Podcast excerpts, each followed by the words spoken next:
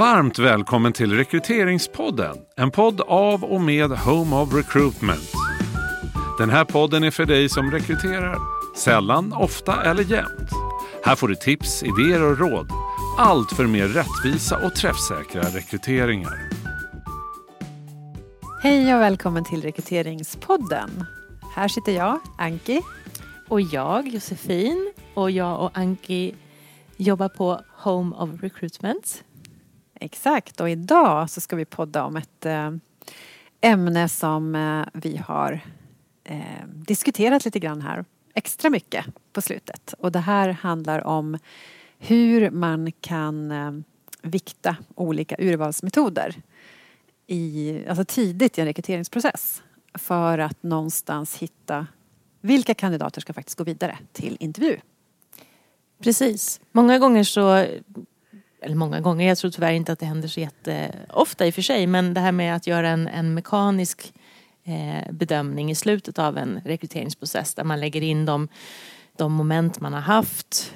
Det kan vara arbetsprover, det kan vara strukturerade intervjuer, det kan vara tester som har genomförts, referenstagning för den delen. Att man liksom lägger samman alla de här delarna och, och viktar dem för att liksom, någonstans landa i kandidat C är allra bäst kan vi tydligt se när vi viktar ihop de här grejerna. Mm. Alltså man, man poängsätter varje del i, i rekryteringsprocessen eh, och sen så får ju då alla kandidater som är kvar då i slutet en totalpoäng. Ja, och då, ty, då blir bilden ofta tydlig kring ja, det här. Som... Det som vi tittade på, det som vi bestämde från början var det viktiga i den här rekryteringen.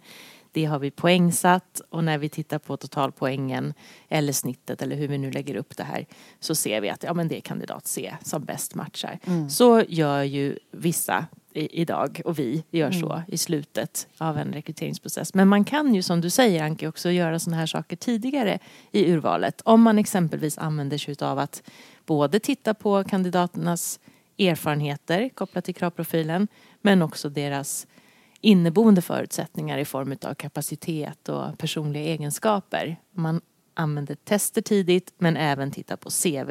Mm. Så kan det viktas samman för att sen avgöra då vilka ska vi träffa på intervju. Och jag vet ju att du och, och, Katarina har gjort det här ganska nyligen så jag tänker att du kan väl berätta hur ni... Det här är ju någonting som egentligen kanske funkar bättre i typ ett webbinarieformat eller en, en, eh, eftersom att det är ganska visuellt det här. Eh, så. Men, jag kan ju inte rita men jag får berätta. Du får berätta, precis. Du får måla med orden. Ja men exakt. Det var så att vi gjorde en rekrytering av en HR-chef. Eh, och då så var det så att det var väldigt viktigt utifrån att, om man tittar på kravprofilen så var det väldigt viktigt med vilka erfarenheter man hade med sig. Man skulle ha erfarenhet av vissa specifika områden inom HR. Eh, och man skulle ha haft till exempel personalansvar och, och ja, lite så. Så att eh, erfarenheterna var väldigt viktiga. Men självklart så är det ju så att som i alla jobb mm. så är ju även kapacitet och personlighet också eh, viktigt för den här rollen. Men, eh, och då gjorde vi som så att vi hade ett antal urvalsfrågor som man, kandidaterna fick svara på. Eh, och eh, dessutom så fick man också eh, skicka in sin LinkedIn-profil. Och de då som hade rätt erfarenheter enligt då urvalsfrågorna fick gå vidare till nästa steg. Och nästa steg var då att göra personlighets och kapacitetstest.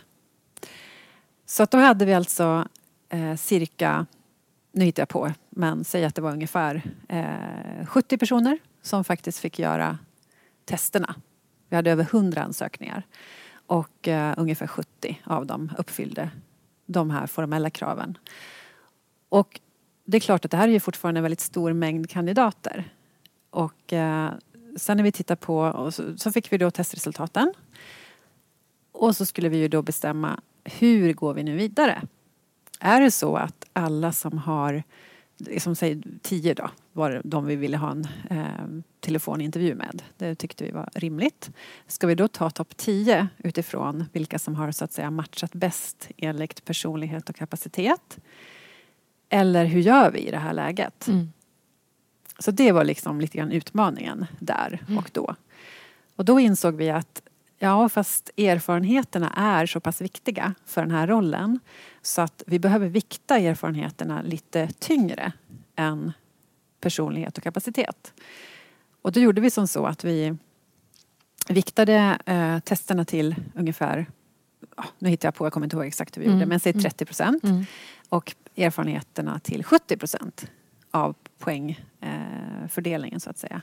Så att eh, då gjorde det ju, resultatet blev ju att vissa kandidater som gick vidare hade en väldigt tung erfarenhet. Eh, men kanske en något sämre matchning enligt testerna. Medan andra hade en lite lightare då erfarenhet men matchade fantastiskt bra enligt testerna. Mm.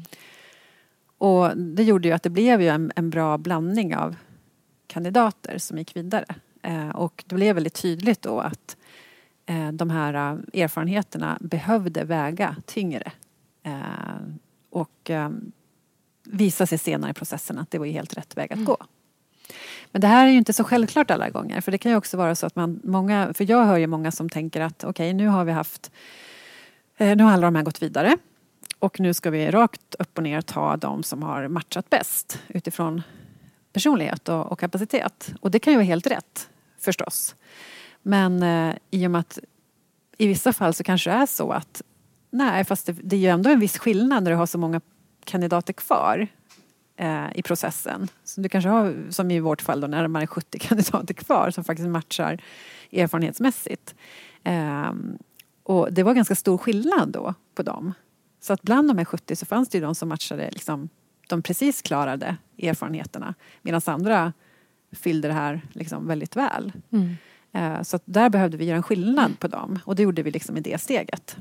Ett så kallat angenämt problem tänker jag att ni ja, satt med där. och det blev ju det då. Ja. Eh, så att, och då kan man fundera så här, ska man, ett alternativ kan ju vara att, ja, men att göra den här katten ännu tidigare. Mm. Det vill säga de som har jättemycket av den här erfarenheten, det är bara de som får göra testerna. Men i vårt fall så blev det ju ändå så att någon som hade lite lightare erfarenhet men uppfyllde kravprofilen matchade extremt bra personlighets och kapacitetsmässigt och gick därmed vidare i processen. Mm. En sån person hade ju liksom försvunnit och tidigare i processen. Och det, rätt eller fel, men i vårt process och utifrån det vi hade på bordet så blev det bäst att göra på det här viset. Mm. Så det är mest för att man ska, tänker vi då, få lite inspiration kring att man behöver fundera lite grann kring vad är viktigast? Hur ska vi prioritera? Det är inte så givet alla gånger att man ska göra på samma sätt varje gång. För jag menar nästa gång vi gör en liknande roll, ja men då kanske det blir tvärtom. Att nej men personlighet och kapacitet är mycket viktigare. Mm. Eh, det räcker att man har precis det här med sig. Mm. Och då är det bara det, de resultaten man ska gå på i steg två. Mm.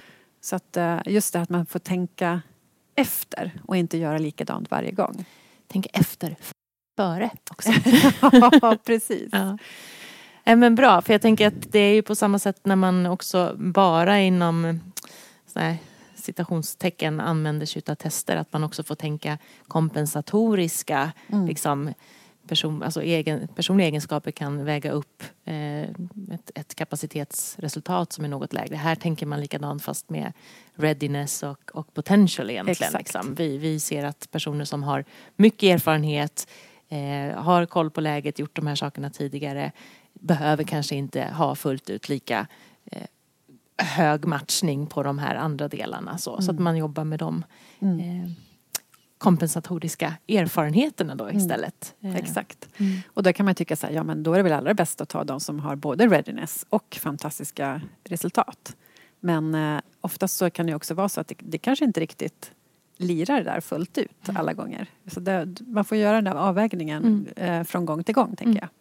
Och med, med readiness så menar jag då alltså att, hur pass eh, redo man är att axla rollen från dag ett egentligen. Alltså har man med sig väldigt mycket erfarenheter, kunskaper inom exakt det här området som man nu är tänkt att eh, kliva in i då har man mycket readiness. Medan potential är att man har goda förutsättningar att faktiskt vara superduktig och framgångsrik i den här rollen. Men man behöver sannolikt få till sig mer kunskaper och erfarenheter för att fullt ut eh, ha koll på allt. Så, så det är den liksom, eh, skillnaden tänker jag Exakt. mellan readiness och potential. Mm. Och där gjorde ni då den här viktningen. Så det ja. tänker jag är förhoppningsvis någonting som lyssnarna kan använda sig av om de sitter med det här återigen då angenäma problemet som det innebär att ha för många, eller man har aldrig för många tänker jag, men man har många kandidater som mm. uppfyller eh, kraven som finns i kravprofilen. Exakt. Mm. Bra! Tack för idag säger vi då tänker jag. Det gör vi. Ja. Tack så mycket. Hej då! Du har hört en podd av Home of Recruitment. Om du vill komma i kontakt med oss, skicka ett mejl till info at homeofrecruitment.se. Podden är producerad av Septemberfilm.